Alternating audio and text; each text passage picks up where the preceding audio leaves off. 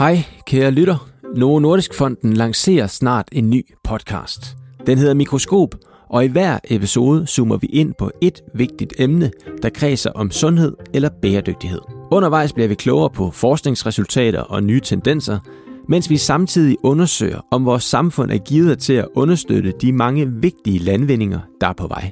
Vi taler blandt andet med lægen Arne Astrup, som mener, at der er for meget fokus på vægtkurver og for lidt fokus på trivsel, når det handler om at forebygge overvægt hos børn. Børnene har jo ikke selv valgt den vægt, som de har. Det er noget, som er et samspil mellem deres biologi og deres, deres miljøfaktorer, den opvækst, de har i de tidlige år. Og det ved vi alt for lidt om, men det er ikke noget, de selv har bestemt. Og derfor nytter det ikke noget at begynde at tale med børnene om deres vægt. I anden episode taler vi med adfærdsforskeren Bente Halke om, hvordan vi for alvor får fyret op under de klimavenlige madvaner. Vi kan se, at det, der virker, det er ikke, at den enkelte ligesom skal overkomme sig selv, eller få en anden motivation, eller skifte holdning, eller noget, eller endda nødvendigvis få noget mere viden for at lægge om.